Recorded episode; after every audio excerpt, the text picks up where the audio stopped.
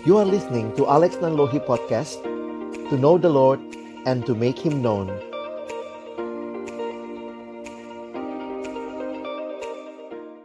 Mari berdoa sebelum kita membaca merenungkan firman-Nya. Kami datang dalam ucapan syukur malam hari ini. Terima kasih Tuhan. Kesempatan ini kau berikan bagi kami untuk kembali menggumuli kehidupan kami, khususnya di dalam relasi-relasi kami.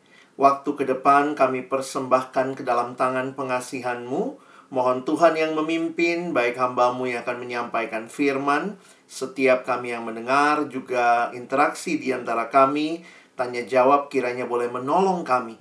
Pada akhirnya bukan hanya jadi pendengar-pendengar firman yang setia, tapi mampukan dengan kuasa pertolongan dari rohmu yang kudus, kami dimampukan boleh menjadi pelaku-pelaku firman-Mu di dalam kehidupan kami, di dalam masa muda kami. Bersabdalah ya Tuhan, kami anak-anakmu sedia mendengarnya dalam satu nama yang kudus, nama yang berkuasa, nama Tuhan kami Yesus Kristus. Kami menyerahkan pemberitaan firman-Mu. Amin. Shalom, selamat sore teman-teman sekalian. Selamat malam ya, sudah malam sebenarnya ini ya. Jadi bersyukur buat kesempatan ini kita boleh sama-sama belajar kembali baik dari firman Tuhan maupun juga wawasan yang akan menolong kita untuk juga melihat uh, tema kita hari ini ya. Nah, saya akan coba share satu uh, PowerPoint yang saya siapkan buat kita dan nanti uh, ada waktunya kita bisa tanya jawab. Jadi saya berharap juga nanti teman-teman yang mungkin punya pertanyaan nanti kita akan bisa menjawabnya bersama di bagian akhir dari uh, sesi ini ya. Um, tema kita malam ini adalah blind date, blind love. Ini satu uh, realita yang menarik sebenarnya di tengah-tengah kehidupan uh, kalian ya, khususnya orang-orang muda begitu ya, waktu membicarakan tema ini. Nah, saya ingin mengajak kita melihat dalam perspektif nanti ada dua hal yang akan saya bahas dari konsep firman Tuhan. Yang pertama adalah konsep tentang hidup dan yang kedua adalah konsep tentang kasih. Jadi nanti kita akan melihat dua bagian ini bersama-sama sebelum nanti kita akan masuk lebih jelas lagi ke dalam uh, kondisi sekarang begitu ya, di mana juga banyak online uh, apps yang muncul dan bagaimana kita harus mewaspadainya ya. Nah, Teman-teman, relasi lawan jenis itu memang selalu jadi pembicaraan yang hangat. Khususnya di culture kita, bahkan uh, kita harus jujur juga mengatakan bahwa sering kali malah itu membuat kita insecure ya. Basa-basinya orang kita gitu ya. Uh, uh, nanyanya pertanyaannya bisa kaitannya sama gimana udah punya pacar belum begitu ya dan itu kayak pertanyaan yang uh, menuduh satu sisi gitu ya. Kayaknya lu nggak usaha banget sih begitu ya. Dan di sisi lain teman-teman uh, kalau kita perhatikan juga kayak ada stigma gitu ya. Kalau belum punya pacar tuh rasanya wis sedih banget hidup lo gitu ya. Kamu disebut Jonas gitu jomblo ngenes begitu ya. Dan realita yang lain adalah banyak konsep yang ada di sekitar kita. Menikah untuk bahagia begitu ya. Tapi benarkah seperti itu? Ya, sekali lagi kita harus melihat dalam perspektif firman Tuhan. Bahkan sesudah menikah pun jangan pikir selesai masalah ya, masih ditanya lagi, udah punya anak belum gitu ya. Kayaknya nggak ada habisnya gitu ya. Makanya kalau orang cuma tertekan, iya aku tertekan sekali kak. Ini belum punya pacar. Dan ntar lu punya pacar, nanya lagi kapan meritnya. Sudah merit, ditanya lagi kapan punya anaknya. Jadi sebenarnya hidup kita penuh dengan tekanan gitu ya. Dan sering kali yang jadi masalah adalah memang budaya kita basa-basinya menanyakan hal-hal seperti ini. Mungkin kalau jadi orang Inggris beda bahasa basinya ya. How is the weather today? Wah, hari ini hujan. Kalau kita bahasa basinya, eh udah punya anak belum gitu ya. Eh udah menikah belum gitu kayak menekan banget begitu ya. Nah, teman-teman yang dikasihi Tuhan, mungkin untuk memahami lebih jauh tentang hal ini, saya pikir kita perlu bertanya ya. Kita sedang menghidupi ceritanya siapa? Apakah sekadar ceritanya masyarakat yang menanyakan kita dengan apa yang mereka mau tanyakan, sebenarnya ceritanya siapa yang sedang kita hidupi. Nah, di titik inilah saya pikir kita akan melihat sebentar apa sih arti hidup dalam perspektif kebenaran firman Tuhan. Menarik sekali bahwa sebenarnya setiap kita sedang menghidupi sebuah cerita.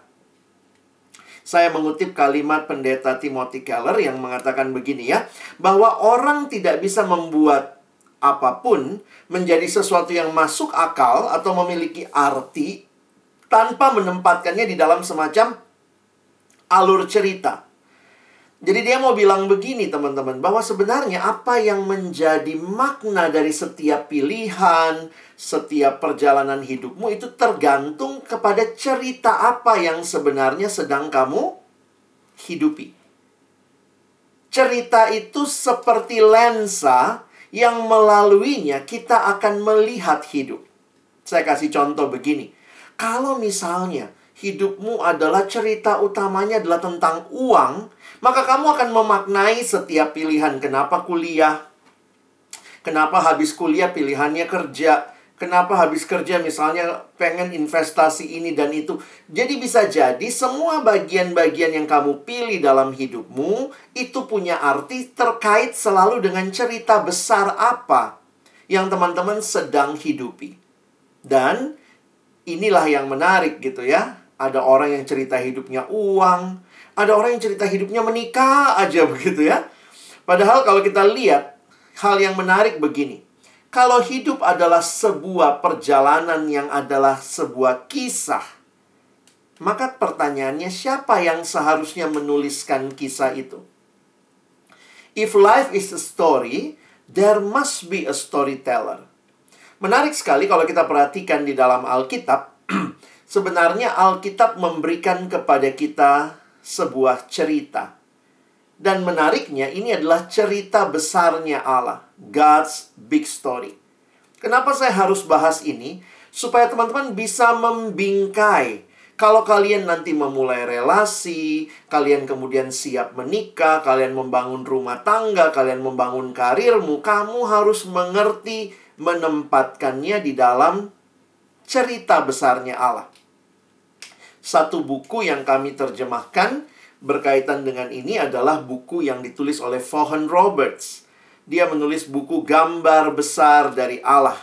Kira-kira asumsinya yang dia berikan dalam buku ini dia mengatakan bahwa sebenarnya kalau Alkitab itu diperes, sebenarnya Alkitab adalah sebuah cerita besar, the big story of the Bible, di mana di dalamnya ada empat cerita atau empat babak utama. Dan ini dikaitkan dengan Allah, Sang Raja. Yang namanya pertama itu creation, Allah mendirikan kerajaannya, lalu terjadi pemberontakan dalam kerajaan itu, lalu kemudian dimulailah misi penyelamatan, redemption. Mulai dengan sang raja memilih Israel, lalu rajanya datang sendiri, Yesus datang, menyerahkan dirinya, dia mati di kayu salib menggantikan kita dan dia bangkit dan dia naik ke surga. Dia mempercayakan berita kepada kita untuk memperluas kerajaan itu. Dan dia berjanji babak keempat, dia akan datang kali yang kedua untuk menggenapkan segala sesuatu.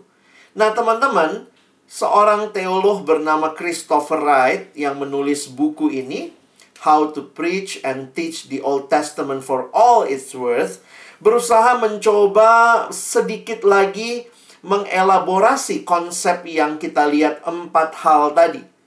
Dia membuatnya dalam enam babak. Dia bilang begini, sebenarnya kalau kita lihat Alkitab, kalau kita peras begitu rupa, itu ada enam babak cerita di dalamnya.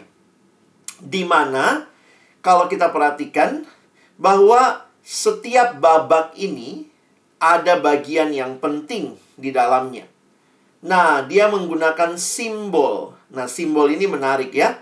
Panah ke bawah yang pertama itu sama creation.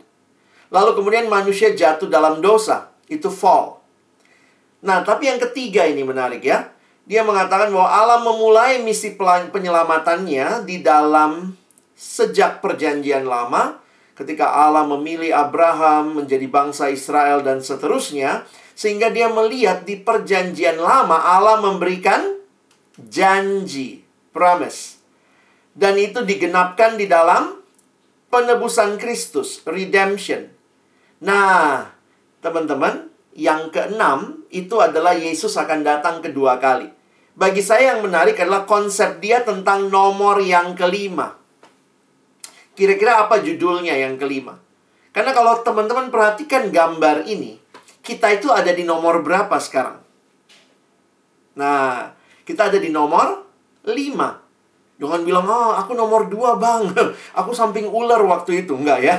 Kita ada di nomor yang kelima sembari menunggu penggenapan yang keenam. Nah, Bapak Christopher Wright memberi nama kepada yang kelima, dia sebut sebagai mission. Dan yang keenam itu adalah new creation. Allah akan membaharui segala sesuatu. Mengapa kalian perlu memahami cerita ini? Bagi saya begini. Karena ini bukan sekedar cerita. This is not only a story. Tetapi ini adalah firman Allah yang di dalamnya Tuhan mau kita melihatnya dalam perspektif Allah. Jadi teman-teman sekarang tempatkan hidupmu di dalam perspektifnya Allah. Kalian akan melihat gambar ini. Kita ada dalam misi. Berarti setiap bagian hidup kita sekarang itu terkait dengan apa yang menjadi misi Allah bagi dunia ini. We are on a mission. Teman-teman dan saya tidak terlepas dari kisah ini. Nah, di sini poin saya. Perhatikan ya. Seringkali kita mikirnya begini. Kita mikirnya ini rencana saya, lalu kita undang Tuhan, ayolah masuk di rencanaku. Tuhan berkati rencanaku, Tuhan berkati hidupku. Tetapi kalau kita mengerti Alkitab dengan baik, sebenarnya terbalik teman-teman. Bukan kamu yang mengundang Allah masuk dalam ceritamu, tetapi sebenarnya hidup ini adalah ceritanya Allah yang mengundang engkau dan saya masuk ke dalamnya. Beda nggak? Kalau demikian, maka cerita kuliahmu, cerita relasi-relasimu, cerita tentang masa depanmu itu bukan hanya ceritamu yang kamu minta Allah berkati, tetapi engkau harus menyelaraskan kisahmu karena engkau dan saya sebenarnya diundang Allah masuk ke dalam ceritanya.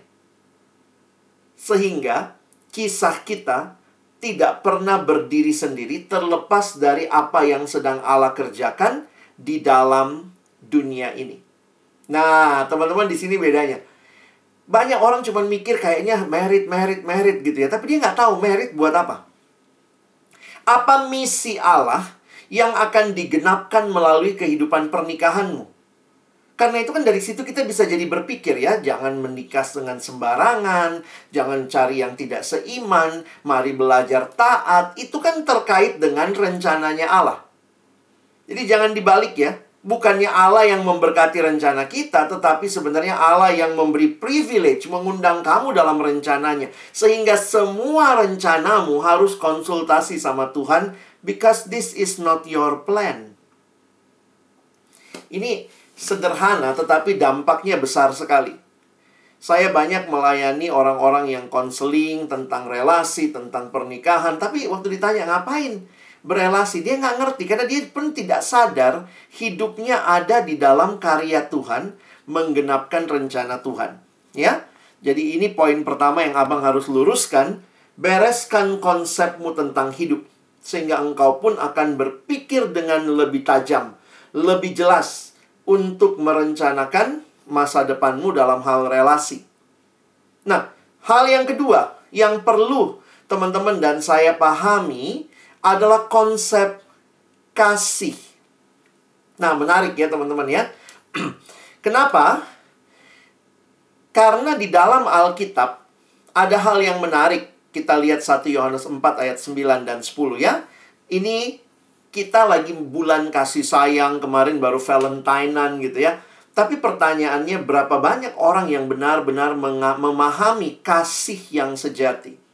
Di dalam 1 Yohanes 4 ayat 9 dan 10 dituliskan dalam hal inilah kasih Allah dinyatakan di tengah-tengah kita yaitu bahwa Allah telah mengutus anaknya yang tunggal ke dalam dunia supaya kita hidup olehnya.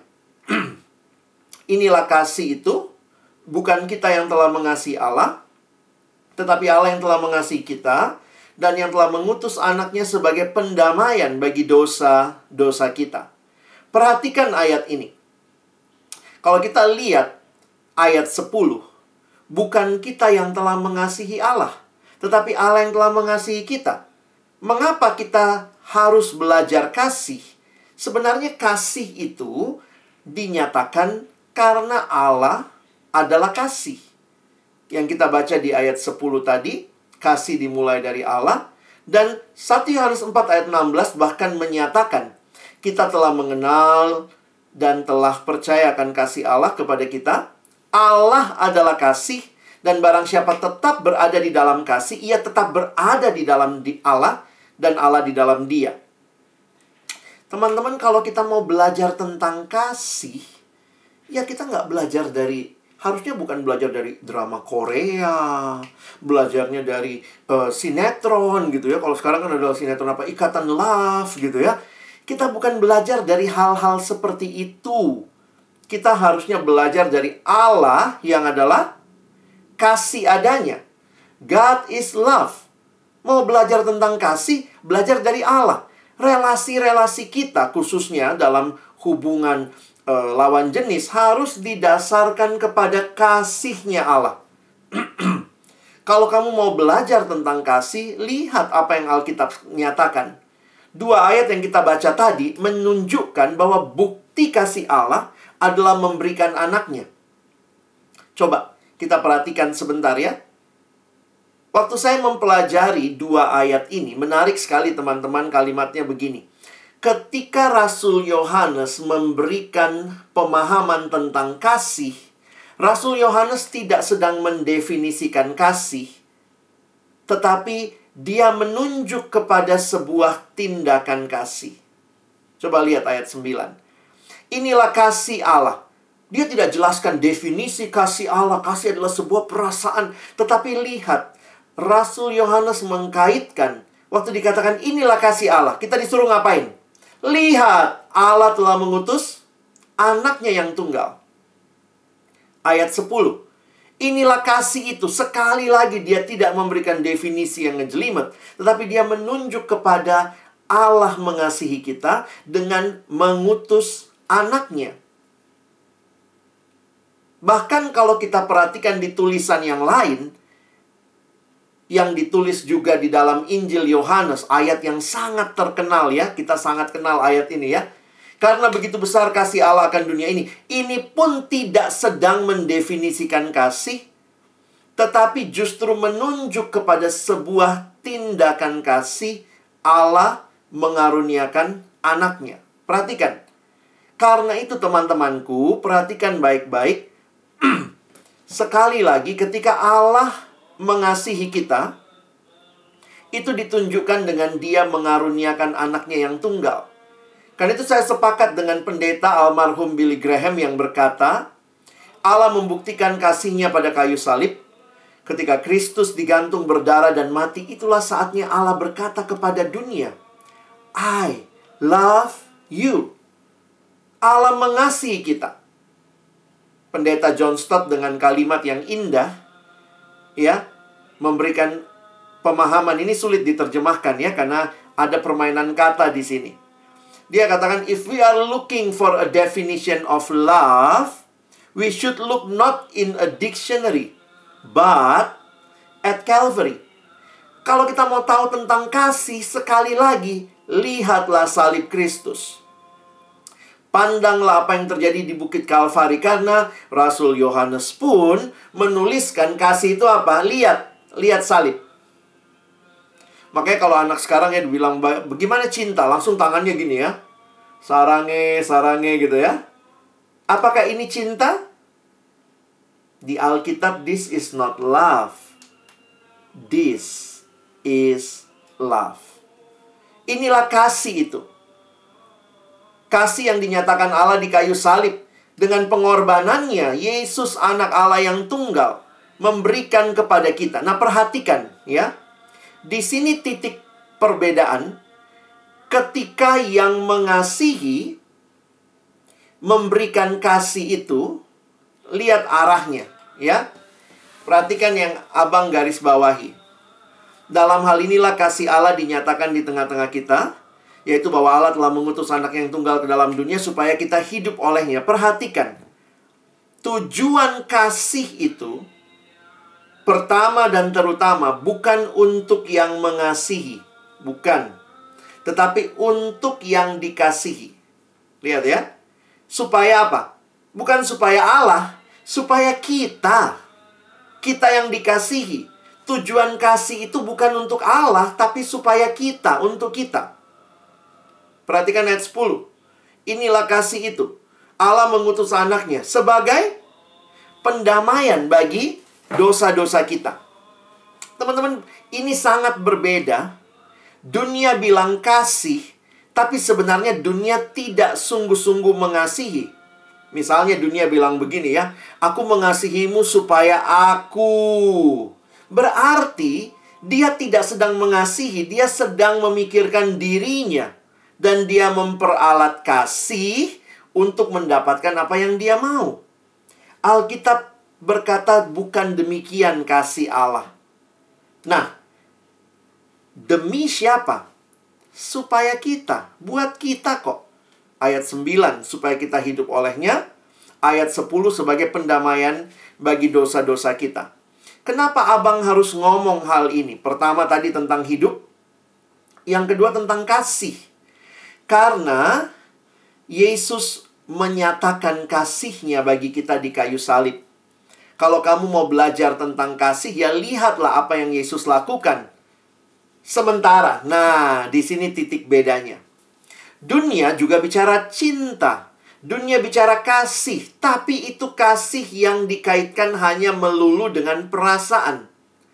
Sementara kalau kita perhatikan kasih Allah, itu kasih yang di dalamnya ada komitmen. Teman-teman yang mempertahankan relasi itu bagi saya bukan perasaan ya. Bukan berarti tidak ada unsur perasaan. Tetapi yang mempertahankan sebuah relasi adalah komitmen lebih daripada sekadar perasaan. Karena perasaan itu bisa turun naik ya.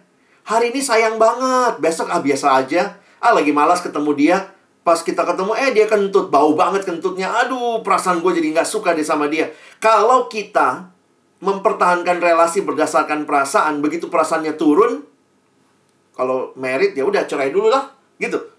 Nanti kalau udah enak, aduh lagi sayang banget, aduh deket hari ini, ya udah merit lagi. Yang mempertahankan pernikahan itu bukan perasaan teman-teman, tapi komitmen. Bahwa di saat duka, di saat suka, meskipun kentut kamu bau, ya saya tetap mengasihimu. Itu komitmen. Komitmen akan membangun perasaan. Sebenarnya itu konsep yang alkitabiah. Karena kalau perasaan jadi utama, malah justru bisa naik turun dan bisa tidak punya kestabilan. Kasih dunia cuman bicara perasaan. Lihat di film-film cinta. Makanya bisa ngambek lah, bisa apa. Susah mengampuni. Kalau disakitin maunya balas dendam. Wah, gue digituin. gue bikin kamu lebih sakit dari saya. Kenapa? Karena kita mengatakannya hanya kaitan dengan perasaan. Kasih dunia tuh egois. Bukan demi yang dikasihi, tapi demi diri yang mengasihi. Kasih dunia itu kasih yang ngambil. Teman-teman, sebenarnya bahasa Indonesia katanya itu paling gampang menjelaskan kasih. Perhatikan abang ya. Ada yang bilang gini, apa itu kasih? Dibanding semua bahasa di dunia, bahasa Indonesia tuh paling gampang menjelaskan kasih. Apa itu kasih? Kasih, ya kasih. Misalnya saya punya botol minum ya. Kasih, ya kasih. Love is giving. Love is not taking. If love is taking, taking, taking, that is not love. That is rampoking. You know? Banyak orang bilangnya kasih, tapi sebenarnya bukan demi yang dikasihi. Ada yang bilang, kau sayang nggak sama aku? Nih Valentine dong, cium dong. Itu bukan mengasihi, itu ngerampok, ngambil. Makanya kasih manusia itu terbatas sekali. Beda sekali dengan kasih yang Tuhan nyatakan di kayu salib kasih yang memberi. Makanya ada yang nanya, jadi batasannya kalau pacaran itu kayak apa sih kak? Apa yang boleh, apa yang tidak? Saya bilang kalau pacarmu bertumbuh dalam kasih, kamu bertumbuh dalam kasih, kalian saling menjaga. Kenapa? Bukan mempermainkan kasih. Ada yang bilang gitu, kalau kamu sayang sama aku, kamu cinta sama aku, ayolah kita tidur bareng. Itu bukan kasih, itu ngerampok. Kalau kamu mengasihi pasanganmu, kamu akan jaga dia kudus sampai altar pernikahan. That is love. Kasih itu menjaga demi yang dikasihi. Aduh, mungkin saya pengen banget ngapa-ngapain pacar saya, tapi love is giving. Saya bukan bicara mengambil dari dia, tapi justru saya memberi, saya menahan diri supaya saya tidak menodai dia. Nah, teman-teman kalau dua hal ini kita nggak miliki, maka sebenarnya dalam relasi ke depan juga jadi banyak masalah ya. Banyak orang waktu bicara pelayanan rohani banget, waktu bicara teman hidup, ya ampun, kok bisa tiba-tiba kayak langit dan bumi ya. Waktu bicara teman hidup, ah nggak apa-apa lah, siapa aja lah, mau beda agama juga nggak apa-apa. Loh, ini hidupmu dalam misinya siapa? Kadang-kadang kalau di pelayanan kita cari pelayan aja ada kriterianya kok. Masa begitu teman hidup kriteria yang paling utama nggak apa-apa lah, nggak Kristen. Hah? Saya jadi bingung kadang-kadang ya. Ini hidupmu tentang siapa? Ini ceritanya siapa? Makanya kenapa abang bahas itu ya. Karena kalau dua konsep ini kalian clear, paling tidak kalian bertumbuh, kalian juga akan bisa was-was atau uh, hati-hati dengan berbagai hal. Yang kedua tadi, kalau kasihmu hanya demi keuntunganmu, demi nafsumu, demi apa yang kamu mau, kamu belum siap sebenarnya mengasihi. Kamu sedang ngerampok anak orang. Karena itu memang belum ada dari kita yang sempurna, tetapi kita sedang berjuang bersama di dalam kesempurnaan itu untuk hidup bagi Allah, hidup mengasihi sesama. Nah, jadi sekarang kalau kita bicara pacaran ya, kita masuk ke aplikasi praktisnya deh. Pacaran itu apa? Ya jelas, kalau ini dalam misinya Allah, langkah penting sebelum pernikahan. Kalau belum siap merit, jangan pacaran. Mungkin prinsip sederhananya begitu ya. Dan kenapa? Pacaran itu hanya dengan orang yang sudah dipertimbangkan serius untuk jadi calon istri, calon suami.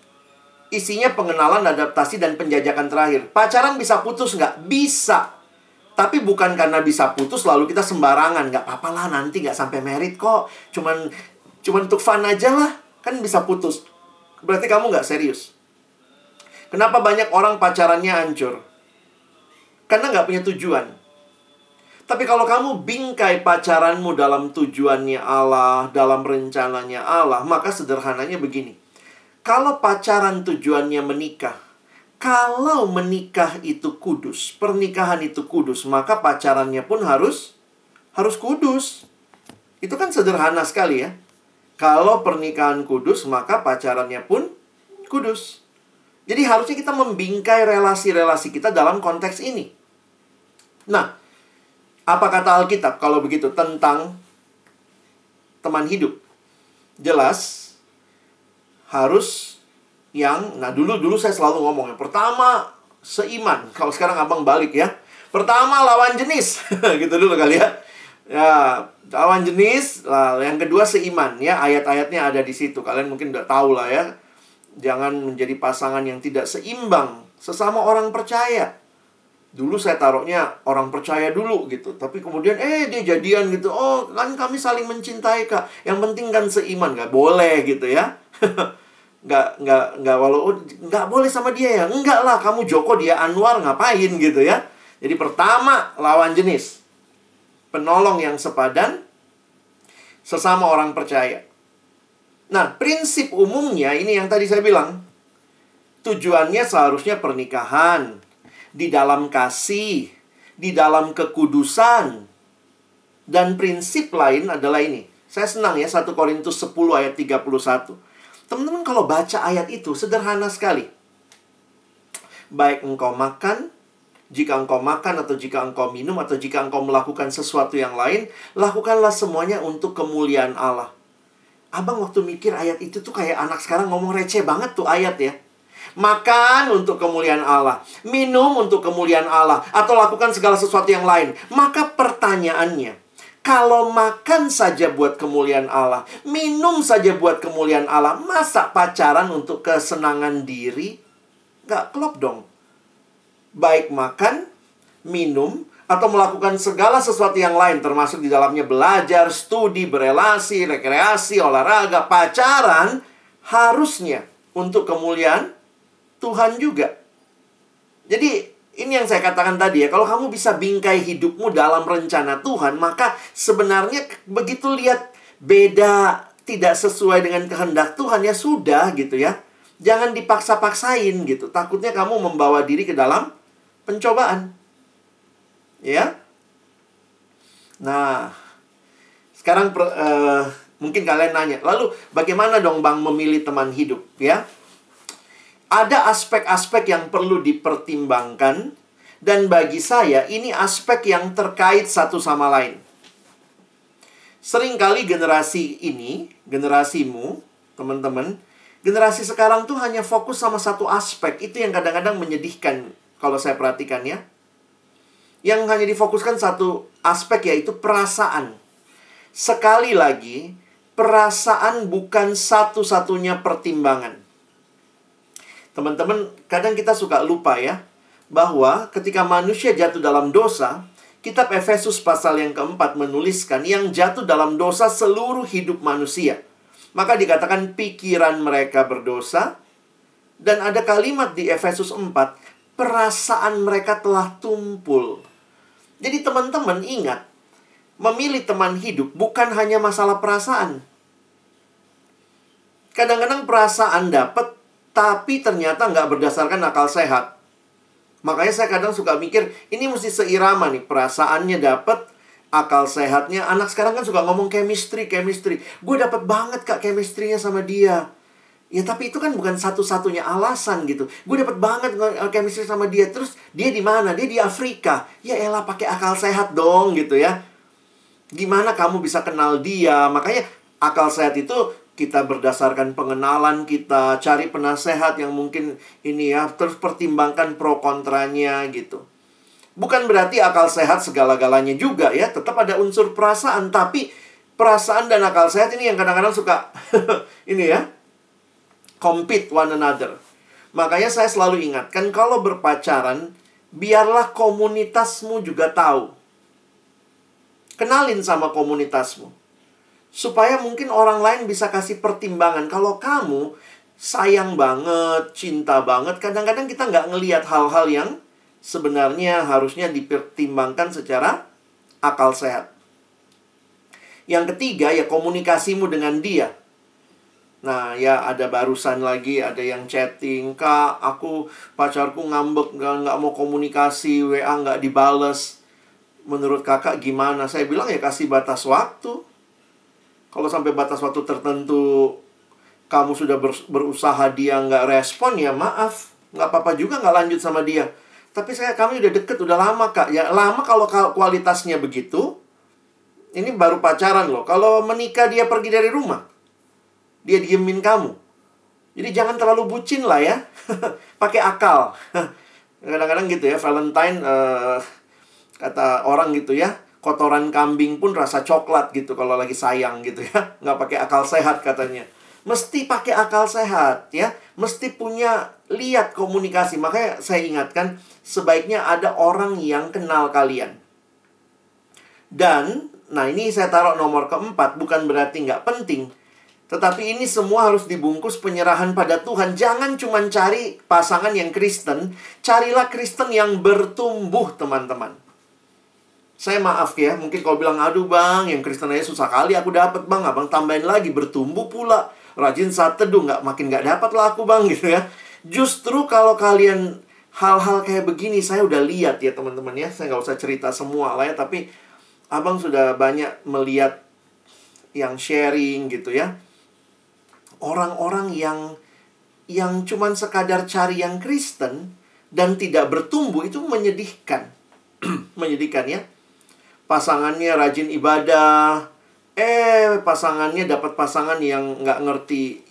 Jadi cuman Kristen waktu diajak ayo KTB sama-sama KTB Pasutri, pasangannya ngomong apa? Oh maaf, eh, hal-hal rohani itu di gereja aja, nggak usah lah KTB-KTB itu. Jadi hanya istrinya yang ikut. Kadang-kadang menyedihkan ya. Kadang saya pikir, memang apa ya, orang kalau nggak belum bertumbuh, jadi yang satu udah ngerti cara hidup memberi persembahan, yang satunya boro-boro ngerti begituan ya. Dia nggak peduli gitu. Jadi kalau kita tidak uh, hati-hati, ya ini jadi masalah. Sehingga empat hal ini mesti dipertimbangkan. Abang kasih satu contoh ya, ini contoh real yang pernah datang sama saya terus dia bilang gini, ini baru pulang KKN. KKN itu kan kadang tinggal bareng-bareng, jauh dari mana-mana, anggaplah satu kelompok gitu ya. Terus karena tiap hari ketemu dia lama-lama cinlok ya, cinta lokasi ya. Nah, itu terjadi tuh. Jadi ada satu anak gitu pulang KKN dia bilang, "Bang, aku ketemu satu cowok, aduh Bang, kami tuh nyambung banget. Feel-nya dapat banget, Bang. Chemistry-nya dapat banget, Bang. Aduh. Terus kemudian akal sehat, uh, kayaknya semua bagus ya. Anaknya karakternya baik. Terus kayak apa semuanya baik lah ya. Komunikasinya juga kami bareng bang. Pulang ini masih terus komunikasi. Enak banget bang diajak ngobrol segala macam. Dia waktu di sana aku kan mandi bang ditimbain air di sumur ya namanya di kampung gitu kan. Pokoknya aduh deket banget lah bang. Masalahnya apa saya bilang? Kayak pacaran aja. Nah itulah bang. Nggak seiman bang. Hmm sedapat-dapatnya kamu chemistry-nya semasuk-masuk akalnya orang itu, senyambung-nyambungnya komunikasi. Kalau nggak seiman, harusnya kan prinsipnya langsung selesai. Tapi susah bang, ini hati. Oh ya, sudahlah. Kalau udah begitu-begitu, kadang jadi ribet ya. Nah, tapi teman-teman, banyak orang hanya mempertimbangkan perasaan, akal sehat. Dan saya ketemu tuh beberapa alumni. Kalian kan pra alumni ya, maaf abang buka-buka rahasia teman-teman alumni, kakak abang alumni. Saya harus katakan banyak yang pernikahannya baik. Ya, tapi juga ada yang pernikahannya penuh pergumulan. Dan itu tidak sedikit ya. Ini bukan nakut-nakutin kalian jadi nggak mau merit lah ya. Ah, kata Bang Alex juga banyak yang nggak beres. Nggak tapi ini menunjukkan kepada kalian bahwa hati-hati kalau kita tidak dengan baik mempertimbangkan hal ini. Saya ketemu yang bergumul dengan masalah-masalah dalam rumah tangga ya Salah satunya ini dulu cuman karena sayang, cinta, bucin banget begitu ya. Dia nggak perhatiin kerohanian, dia nggak perhatiin cowok ini atau cewek ini sungguh-sungguh dalam Tuhan atau tidak. Teman-teman kita kan ini pernikahan ya, bukan cuma main-main gitu ya. Nah, kenapa saya harus bahas ini semua? Karena tema kalian malam hari ini kan bicara blind date ya. Pakailah prinsip-prinsip tadi, memikirkan bagaimana di tengah-tengah aplikasi dating apps itu makin banyak.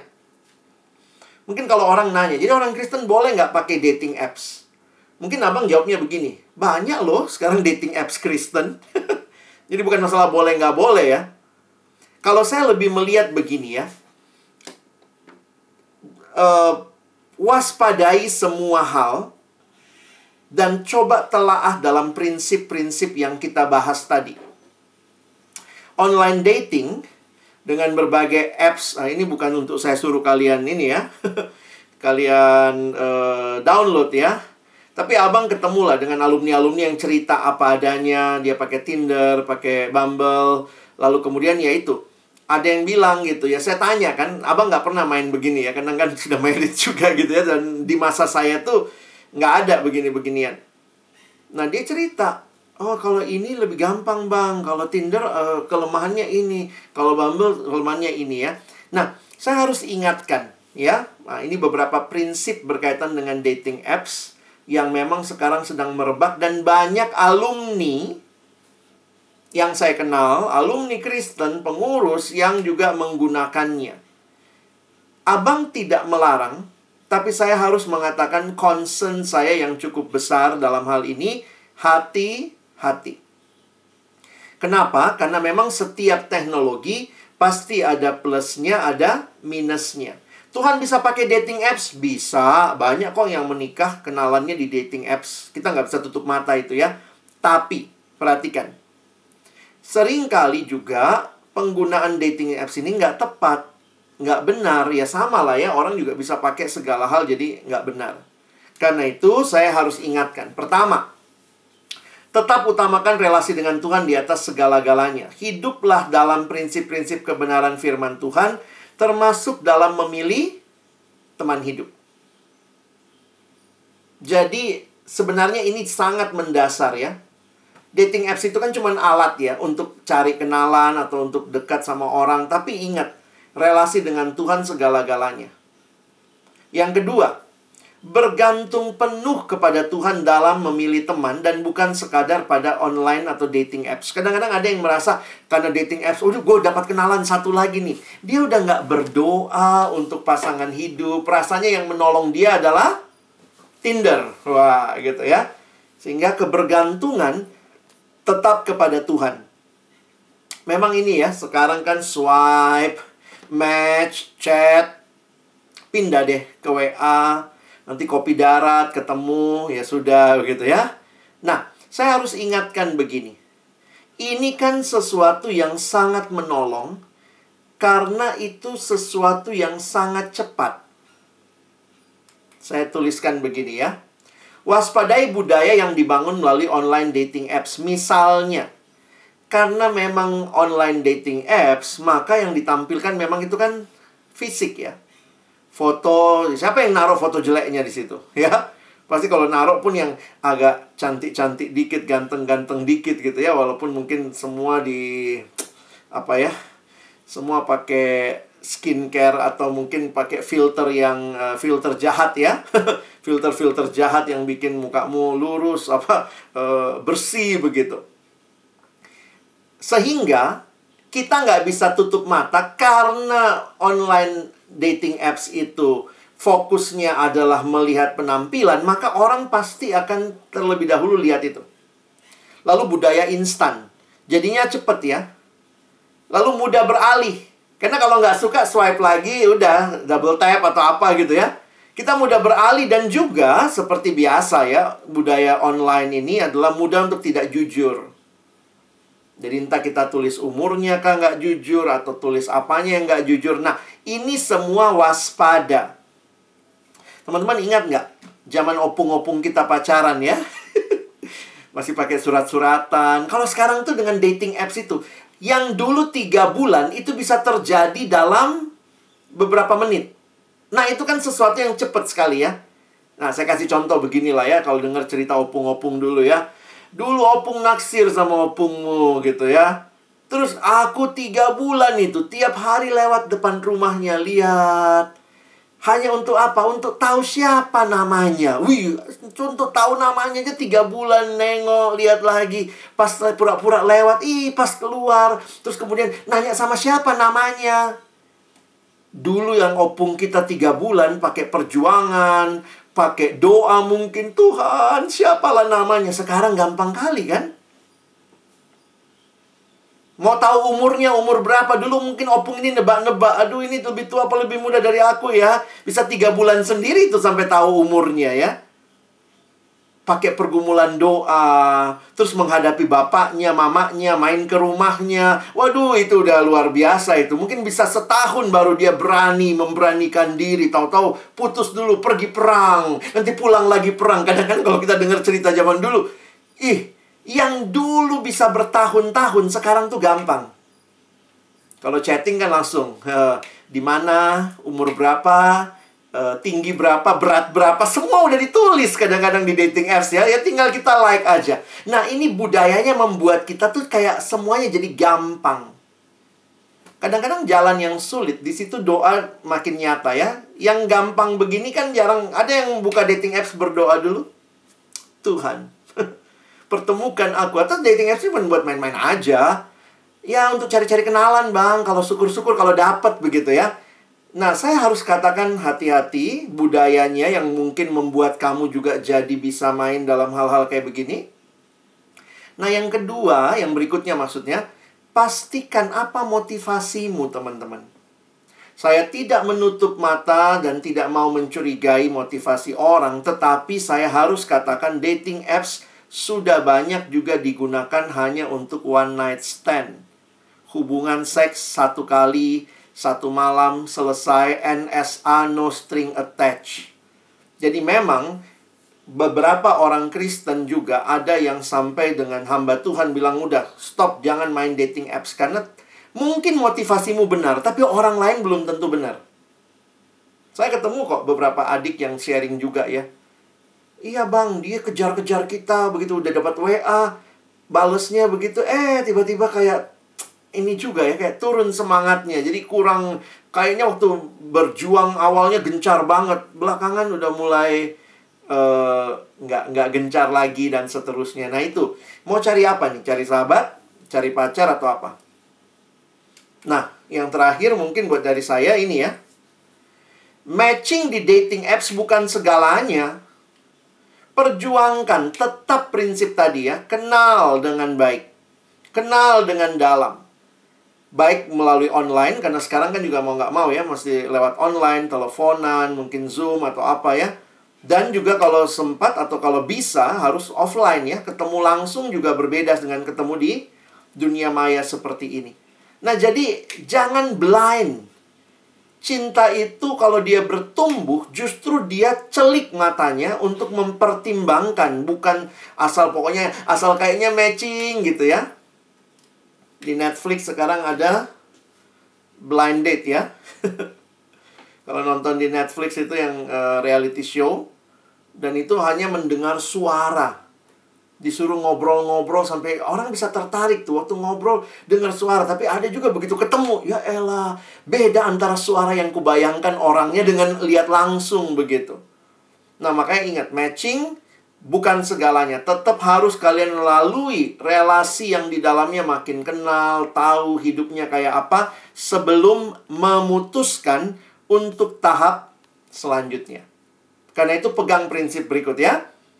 Selalu ingat relasi untuk memuliakan Allah. Di 1 Korintus 10 ayat 23 ditantang Paulus bilang segala sesuatu diperbolehkan, tetapi apakah itu berguna? Oh, dia tanya lagi.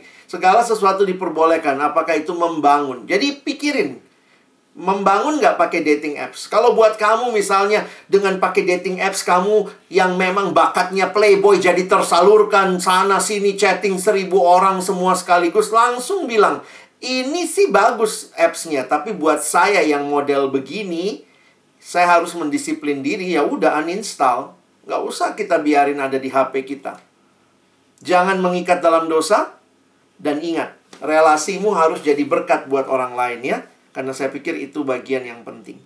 Nah, kiranya pemahaman-pemahaman ini menolong teman-teman untuk kita membangun relasi yang sehat di dalam Tuhan. Nah, mungkin Abang sampai di situ dulu. Saya persilahkan kalau ada yang ingin mengajukan pertanyaan. Baik, saya kembalikan kepada moderatornya mungkin. Cia atau Icil atau Yunima atau uh, siapa yang lagi pakai dating apps gitu lagi bergumul nih tentang pasangan hidupnya ada yang ingin bertanya kepada Kak Alex? Oke. Okay.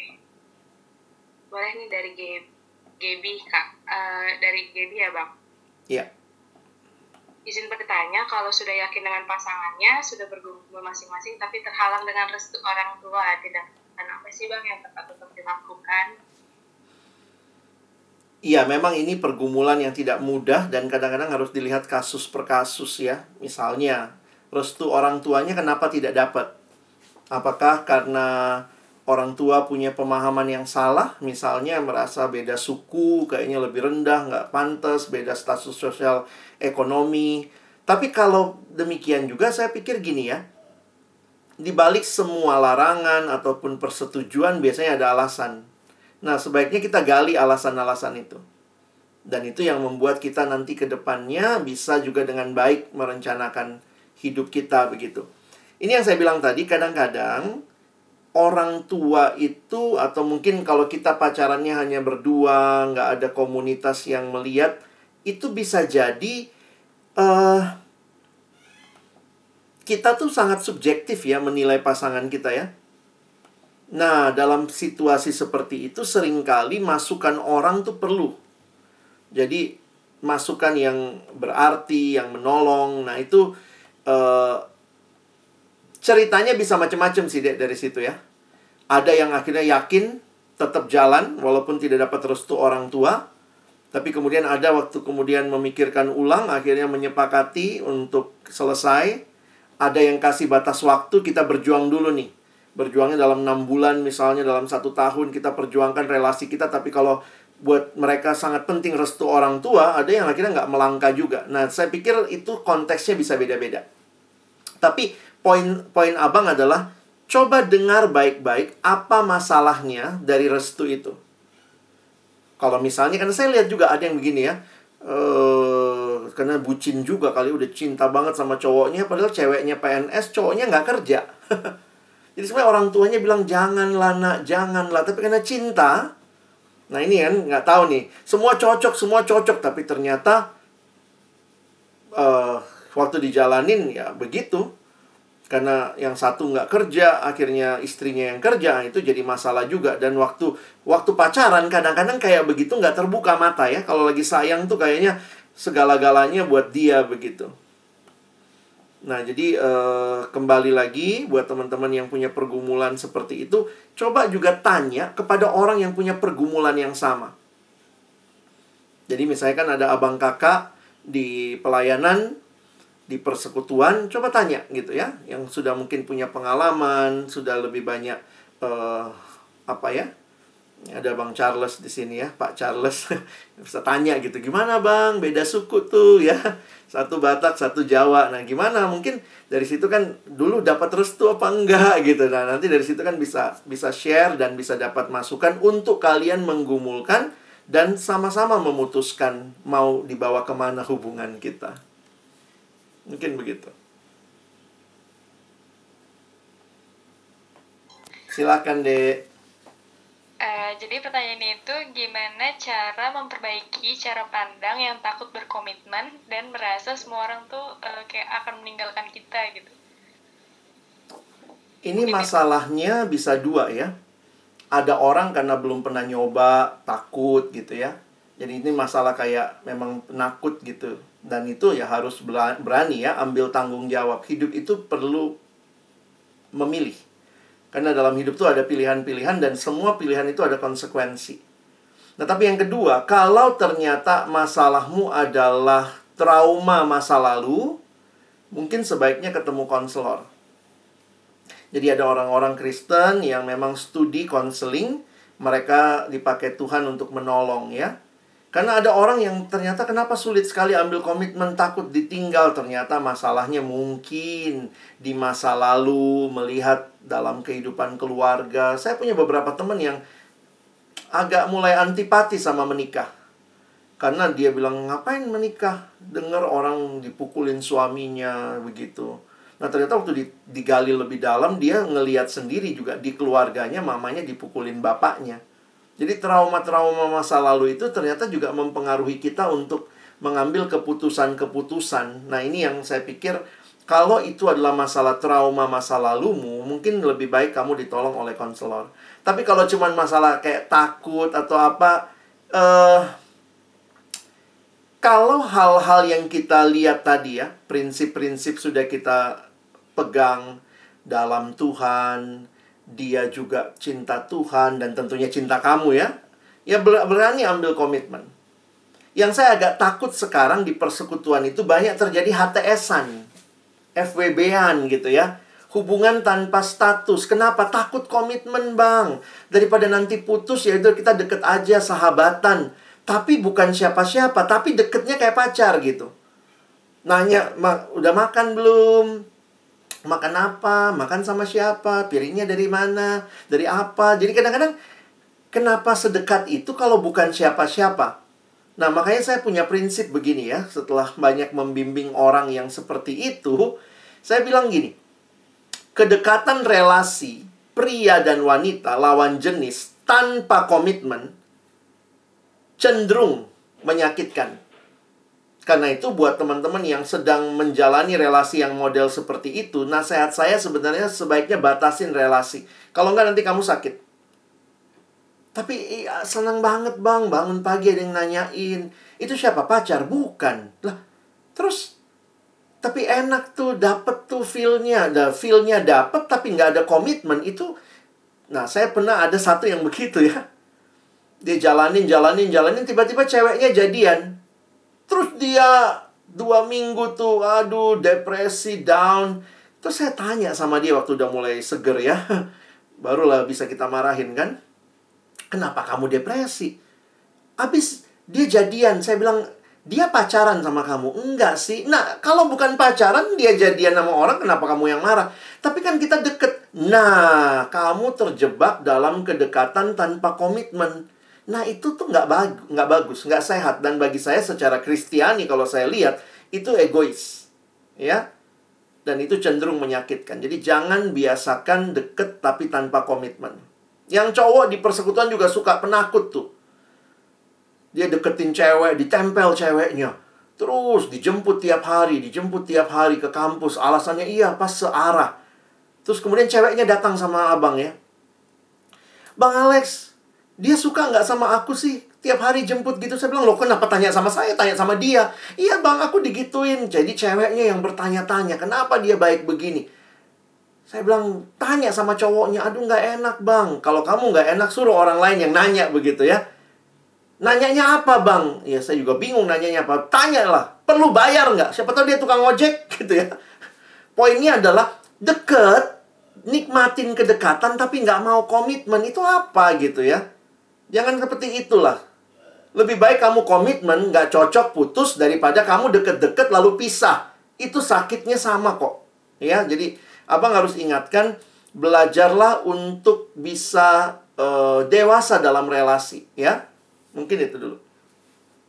Yang anonim siapa tuh ya? Dari Yolanda Deva dulu nih bang. Hmm. Itu bertanya, kan masa lalu orang berbeda-beda. Ada masa lalu seseorang yang sangat jauh dari jalan Kristus. Jika kita memiliki hati untuk hubungan yang serius dengan orang tersebut, sejauh mana kita bisa menerima masa lalu seseorang itu? Masa lalu itu nggak bisa diubah. Yang bisa kamu ubah tuh masa depan. Yang kamu punya pilihan untuk mengubahnya bersama dan seterusnya. Untuk teman-teman yang mungkin punya salah satu pasangannya itu adalah orang yang dalam masa lalunya jauh dari Tuhan, saya mengusulkan sebaiknya orang itu tetap dibimbing. Dan bukan kamu yang bimbing ya. Jangan terlalu membiasakan saya bisa nanti bimbing pasangan saya. Dalam relasi terlalu dekat cinta tuh kadang-kadang kepada pasangan agak sulit. Bukannya nggak bisa, tapi agak sulit. Makanya saya biasanya ada satu anak waktu itu dia seorang pengurus persekutuan. Dia pacaran sama teman gereja. Dan teman gerejanya ini orang yang baru bertobat. Dan uh, nah dia cowoknya ya, cowoknya ini yang orang gereja baru bertobat. Jadi nggak punya pemahaman saat teduh, doa segala macam begitu. Nah ceweknya ini datang dan dia bilang, e, abang bisa tolong bimbing nggak pacar saya. Jadi poinnya adalah ada orang yang membimbing pertumbuhannya. Masa lalunya kan nggak bisa diubah ya. Tapi memastikan orang ini bertumbuh, cinta Tuhan. Karena kan, uh, nah saya bilang sama adik ini ya, adik uh, cewek ini bilang gini, bang agak sulit kalau saya ngomong. Karena kadang-kadang sebagai cewek tiba-tiba ngajarin cowoknya, sementara rasanya egoisnya cowok tuh kadang ada ya. Dan akhirnya ya udah kami kumpulin beberapa teman dan kami akhirnya jadi KTB kami KTB selama satu tahun itu ya.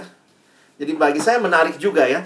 Dia melihat cowok ini punya dasar yang baik, mungkin masa lalunya kurang baik, dan mau bertumbuh dalam Tuhan. Dan dia carikan orang yang menolong pacarnya bertumbuh dalam Tuhan. Jadi untuk teman-teman yang punya relasi seperti itu, serius juga merindukan pertumbuhannya dan coba cari yang membimbing dia. Karena mungkin kamu agak sulit membimbing dia ya. Izin bertanya, bagaimana mengetahui sifat asli pasangan kita? Kadang kan saat pacaran, pasangan kita terlihat baik. Apakah ada batas waktu yang pasti untuk pacaran sebelum memutuskan untuk menikah? Wah, thank you. Ini pertanyaannya sangat relevan ya. Kalau saya melihatnya, memang bukan masalah berapa lama pacarannya saja, bukan itu, tetapi kualitas pacarannya. Karena kan pengenalan kita itu kan di seiring dengan waktu ya. Nah, kalau saya melihat begini teman-teman ya, uh, makanya libatkan komunitas karena kamu sendiri juga belum tentu cukup waktu menilai pasanganmu. Walaupun abang harus kasih tahu juga ya, sebenarnya tidak ada dari kita yang sangat kenal pasangan kita, bahkan sampai pernikahan pun kita sedang terus saling mengenal. Jadi itu perjalanan seumur hidup, tapi paling tidak waktu di awal kita jelas tuh. Kejelasannya apa? Bagi saya kejelasan kerohanian deh. Kalau cuman masalah, wah dia punya mobil tiga, wah bapaknya nanti kalau meninggal rumahnya sama dia. Bukan cuman itu kejelasannya ya. Kejelasannya adalah bagaimana kerohanian dia. Dia bertumbuh nggak? Kalau dia alami masalah, apa respon dia? Kalau dia terdesak, nah kadang-kadang itu makanya dalam uh, relasi pacaran yang sehat, sebenarnya yang terjadi adalah kita kenal. Dan kadang-kadang kita bahas ya, dan mungkin juga ikutin uh, Sebenarnya kalau kalian tahu ya, ada beberapa konselor yang membimbing orang yang pacaran. Misalnya mereka melakukan tes. Tesnya apa? Misalnya bahasa kasih. Ini bahasa kasihnya apa? Ini bahasa kasihnya apa? Jadi dalam berpacaran tuh kalian bertumbuh tuh saling mengenal bahasa kasih masing-masing, saling mengenal kelemahan. Nah, biasanya ada juga yang membimbing ya dalam the, di sekolah-sekolah teologi yang belajar konseling, ternyata ada paket untuk membimbing awal orang berpacaran, ada assessmentnya. Kenapa? Itu menolong untuk kita mewaspadai kelemahan diri dan dalam masa pacaran kita sama-sama coba saling membangun. Nah, memang itu ya dalam kekristenan uh, sering kali kayak begitu-begitu jarang dibukakan ya. Makanya waktu saya uh, saya sama istri sesudah menikah satu tahun, kemudian ada adik-adik KTB yang waktu itu mau menikah, ada tiga pasangan minta dibimbing. Ya udah kami langsung bimbing, masukkan KTB, dan di situ kita saling berbagi, ya nah, pelan-pelan jadi belajar melihat karena pernikahan itu kan kompleks ya bukan cuma masalah saya suka dia dia suka selesai Nanti kalau sudah menikah, mamamu misalnya tinggal mamamu, mamamu tinggal sama siapa? Sama kita, sama keluarga siapa? Nah, itu kan harus dibicarakan. Jadi bukan cuma romantisme, nanti kita ke bulan ya, nanti kita jalan-jalan ke apa gitu. Ya kadang-kadang e, romantisme bukan segala-galanya dalam pacaran ya. Jadi sifat asli itu akan akan kelihatan dalam proses dan juga dalam apa pergumulan. Nah, tes-tes psikologi tadi yang Abang bilang tuh bisa menolong. Assessment-assessment itu menggali hidup dari orang tersebut. Mungkin itu dulu. Baik. Terima kasih Bang Alex atas hmm. jawabannya. Dan untuk anonim sudah jelas ya. Oke, ini makin banyak yang nanya ya Bang ya cuman karena keterbatasan waktu yeah. kita pertanyaan John sebagai pertanyaan terakhir setelah itu mungkin bisa langsung uh, reach ke abangnya langsung WA gitu ya pertanyaannya. Pertanyaan terakhirnya menurut abang yang lebih mana yang lebih baik dalam sebuah hubungan mengharapkan sesuatu dari pasangan kita dengan tujuan untuk menjadikan dia lebih baik atau menerima dia apa adanya? Kalau kalian siap berelasi, mungkin baliklah pertanyaannya kamu mau jadi lebih baik atau kamu mau hanya diterima apa adanya. Poinnya, uh, jadi begini ya. Kadang-kadang kita cari pasangan yang sempurna, cari pasangan yang sempurna. Tapi pertanyaannya kita siapkan diri kita nggak jadi pasangan yang sempurna. Jadi itu pertanyaan yang kalau baik dibalik ya. Nah dalam pengalaman saya kalau pertanyaan seperti ini, itu per proses, itu proses pertumbuhan keduanya. Ya, tapi ini kan bukan bimbingan pranika ya. Kalau saya bimbing orang pranika ya saya mesti tanya begitu. Karena begini, apa yang menurut kamu baik belum tentu menurut pasanganmu baik. Jadi ternyata kebaikan itu adalah sesuatu yang juga bisa jadi dipengaruhi dari latar belakang. Abang kasih contoh begini. Ada orang dari latar belakang keluarga yang uh, semuanya disediakan Lalu ada menikah sama orang yang mungkin latar belakangnya ya tidak tersedia, jadi harus berjuang. Jadi kadang-kadang kita menuntut pasangan kita berubah, padahal sudah seperti itunya dia dibesarkan dari kecil. Bisa berubah nggak? Perlu diubah nggak? Nah itu kita perlu diskusikan. Nah makanya kadang-kadang tes-tes psikologi yang tadi menolong. Karena orang tuh bisa berantem di rumah tangga cuman gara-gara dia yang satu bilang gini, "Kamu harusnya itu kalau aku ngomong duduk, dengerin saya ngomong." Ada suami yang begitu. Ada istri yang sambil suaminya ngomong, dia sambil terus kerja, beres-beresin. Jadi kadang-kadang itu kan simple ya. Nah, pertanyaan Abang, apa yang menurutmu baik? Jangan-jangan itu cuman karena kamu pola asuhnya yang baik itu adalah kalau kamu lagi diomongin harus duduk, misalnya gitu kan. Nah, itu kan eh, kadang-kadang nggak gampang mengkomunikasikan karena itu tanpa sadar bisa melukai kalau kita nggak mengkomunikasikan dengan baik. Saya dengan istri punya standar kerapihan yang beda. Saya rasa Ih, begini rapi. Dia rasa begitu aja udah rapi. Di awal-awal pernikahan, masalah kami itu masalah kerapihan. Nah, sekarang pertanyaannya, saya menerima atau saya mengubah dia? Saya belajar terima dia, tapi saya belajar juga mengubah apa yang mungkin arogansi saya melihat ini yang baik nih. Saya harus maksa dia melakukan seperti yang saya mau. Nah, ternyata nggak segampang itu. Ini dua kepala disatuin ya. Jadi akhirnya saya jadi belajar. Tidak serapih saya pun nggak apa-apa kok, nggak mati juga. Tapi juga jadinya istri saya belajar. Oh, si abang senengnya serapih ini ya. Jadi dia belajar, saya belajar. Nah, itu yang kadang-kadang perlu kita bangun dan itu butuh komunikasi, keterbukaan, pengampunan. Kadang-kadang ada air mata di situ. Makanya kalau saya ditanya pertanyaan begini, apa yang baik? Kalau itu baik, baik menurut siapa dulu gitu.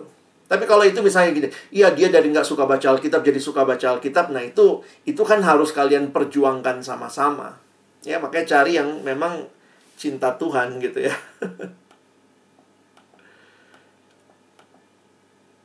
Hati-hati, sorry, saya langsung jawabkan ini bagi saya concern ya pertanyaannya Yemima. Sebaiknya pastikan dia kenal Tuhan baru menikah. Bahkan untuk beberapa kasus saya suka bilang gini ya, kalau sudah terlanjur dalam arti misalnya udah cukup dalam relasinya, maka mungkin bagi saya adalah e, cari orang untuk bimbing dia dan pastikan dia cinta Tuhan, bukan cinta kamu saja. Karena kalau dia cuma cinta kamu, dia bilang ikut di awal, habis itu dia balik lagi. Dan buat saya, ketika sebuah rumah tangga ada dua nahkoda, malah itu lebih berantakan. Ya, jadi hati-hati bangunlah relasi di dalam takut akan Tuhan. Kalau tidak siap, nggak apa-apa sakit. Putus daripada nanti kamu nangis darah. Ya, sakit juga nanti begitu ya. Bayangkan, lihat anak, suami istri beda agama, lalu hari minggu nggak tahu anak mesti ke mana. Kadang-kadang saya pikir ya, orang tua yang bilang kita pegang agama masing-masing itu egois. Dia nggak mikirin anaknya bagaimana. Dia cuma mikirin dirinya. Dan bagi saya iman itu adalah memang pilihan pribadi tetapi karena itu pilihlah orang yang seiman. Itu sebenarnya yang Tuhan sudah ingatkan ya. Mungkin itu dulu. Thank you. Mari berdoa. Terima kasih banyak Tuhan kesempatan malam hari ini kami boleh belajar, kami boleh sama-sama memiliki wawasan yang lebih luas lagi untuk melihat kepada rencana Allah bagi hidup kami dan juga bahkan dalam relasi-relasi yang kami bangun dengan pasangan hidup kami. Baik yang sudah ada maupun yang ke depan Tuhan sediakan bagi kami. Sekali lagi bersyukur, tolong kami bukan cuma jadi pendengar firman, tapi boleh jadi pelaku-pelaku firman-Mu. Kami bersyukur buat sesi ini, dalam nama Yesus kami sudah berdoa. Amin.